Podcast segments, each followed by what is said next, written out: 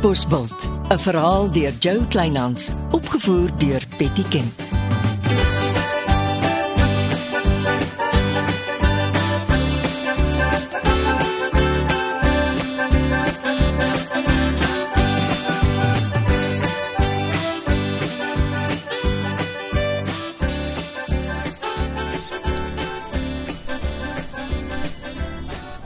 Môre Chrissy.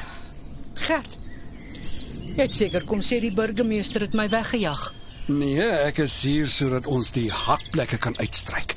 Die dorp het hulle knap raadslid dringend nodig. Jy's fliks met die tong. Tipies prokureur. Jy het net vir Sakkie Senekal gemis. Hy het vroeg vanoggend kom kuier.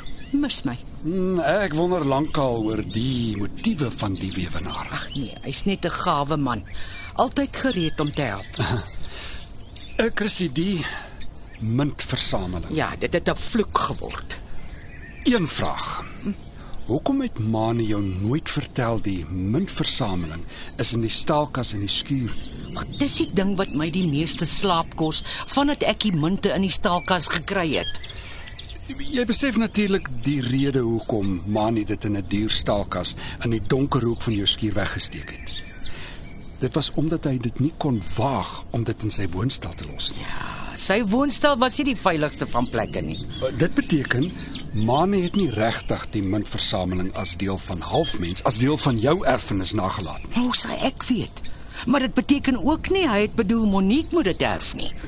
Nou daarom stel ek voor julle deel die 2 miljoen rand. Ek glo in my hart dis hoe Mane dit sou wou gehad het.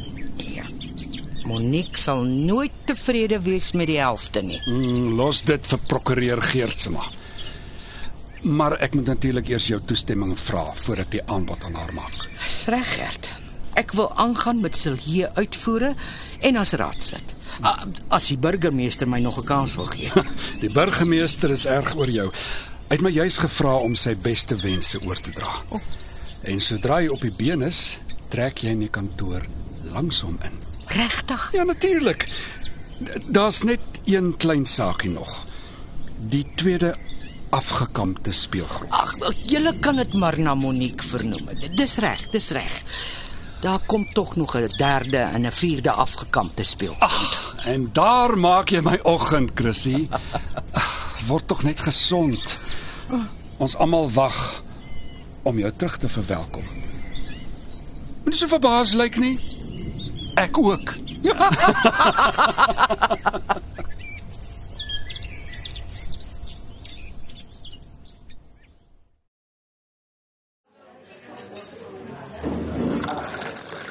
Ek is heeltemal stom geslaan. Dit verklaar die verbintenis tussen Leonardo en Janita. Maar hoekom het hulle nie jare gelede die arme seun die waarheid vertel nie? Wel, soos ek dit het, vind Janita uit sy verwag, maar Leonardo is iewers oor see. Sy hoor vir jare lank nie van hom nie. En toe besluit sy dis beter om Jasper te vertel van sy pa se dood. Ja. En daarna kon sy nie weer omdraai nie. Maar hulle kon toe Leonardo weer sy verskyning maak. Maar volgens Reggie was Jasper op laerskool en Leonardo was skaars hier toe hy weer weg Europa toe. Ek dink dis toe dat Janita besluit het Leonardo is net so goed soos dood. Jasper gaan sukkel om die nuus te verwerk. Vir Reggie se onthaalwe hoop ek Jasper bly aan op die dorp. Dat hy nie ook die pad vat oor see soos sy pa nie. Die feit dat hy jare lank oor see rondgeswerf het, sê hy het iets van sy pa in sy bloed. Hoorie, ek het 'n rowwe Saterdag vir my Gert. Eers die openingsseremonie van my alwynwinkel. Daarna die funksie saam met die sakemanne in Katbosbult restaurant. Ek mag nie stokkies draai nie want dit is die amptelike afsluitingsfunksie van die feeskomitee.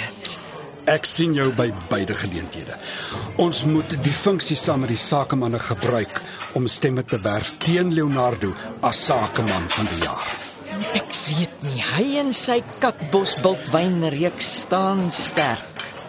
Maar voor ons daar kom, ek het 'n baie ongemaklike afspraak wat op kantoor wag. Dink asseblief aan my.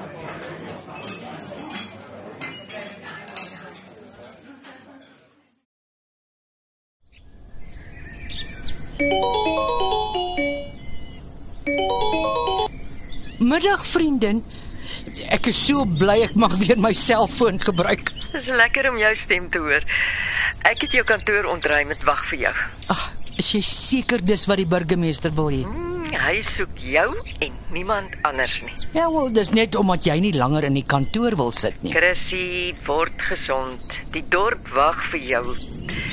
Ek sien jou winkel vir jou pannekoekfees is so te sê reg. Gert hou 'n oog daar. Ai, wat 'n oulike man. Ek skuld hom weer 'n lekker oontgebakte skaapnek, gesout en bruin gebraai in beesvet. Nou klink jy weer soos die ou Chrissy.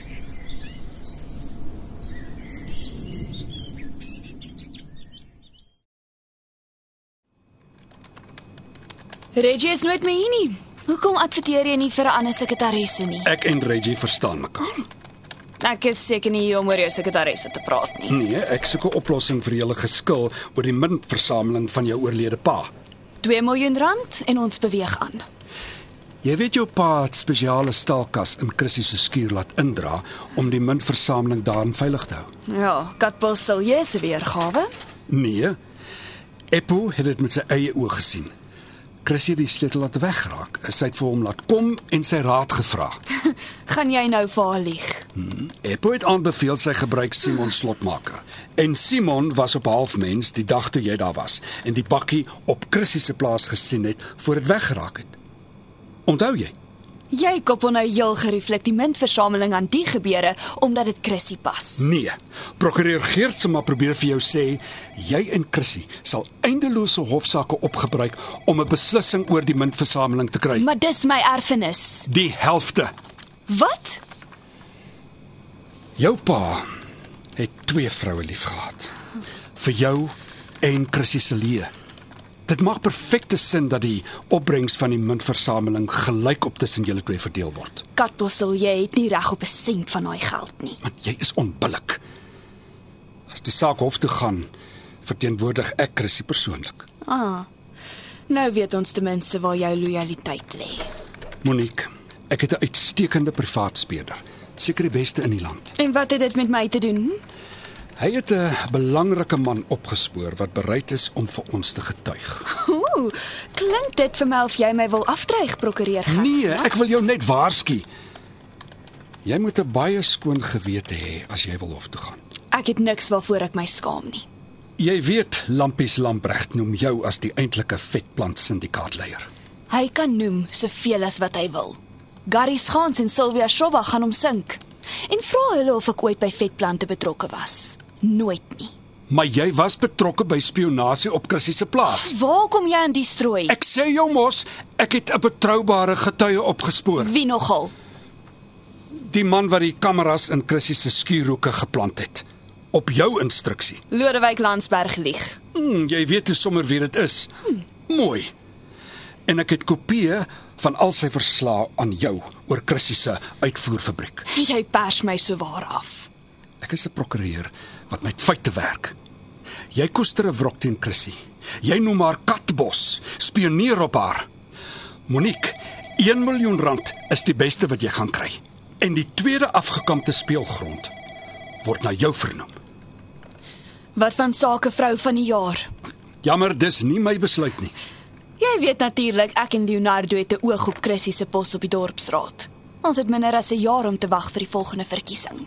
Solank jy weet, Brian gaan nie geld vir jou verkiesingsveld tog voorskiet as jy saam met Leonardo benoem word nie. Moenie jou kop breek nie. Ek weet hoe om Brian te hanteer. Oh, ek het so agtergekom. Hmm. Ons aanbod staan vir 24 uur. Dis of 'n miljoen rand of ons gaan hof toe. Jou keuse. Ons sal sien. Nou ja, prokureur Geertsma. Beter as dit kan jy nie doen nie. Kom ons hoop Monique Marts is verstandig.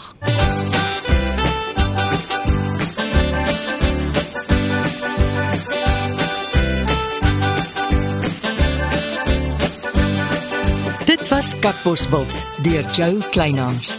Die tegniese versorging is deur Marius Vermaak. Katbosveld word vervaardig deur Betty Kemp saam met Marula Media.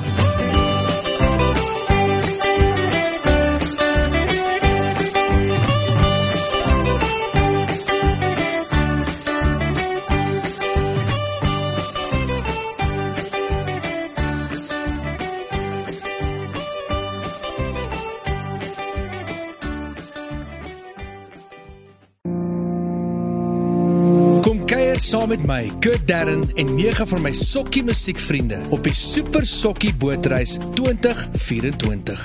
Marula Amelia gaan ook saam vanaf 8 tot 11 Maart 2024 en ons nooi jou om saam met ons te kom sokkie op die musiek van Jonita Du Plessis, Early B, Justin Vega, Jay, Leani May, Nicholas Lou, Jackie Lou, Dirk van der Westhuizen Samantha Leonard. en Ray Dillon. Afrikaanse musiek gaan weer klink van die kuierareas tot die dek tot reg in die teater van die splinte nuwe MSC Splendide. Bespreek nou jou plek op die Super Sokkie Bootreis by www.msccruises.co.za.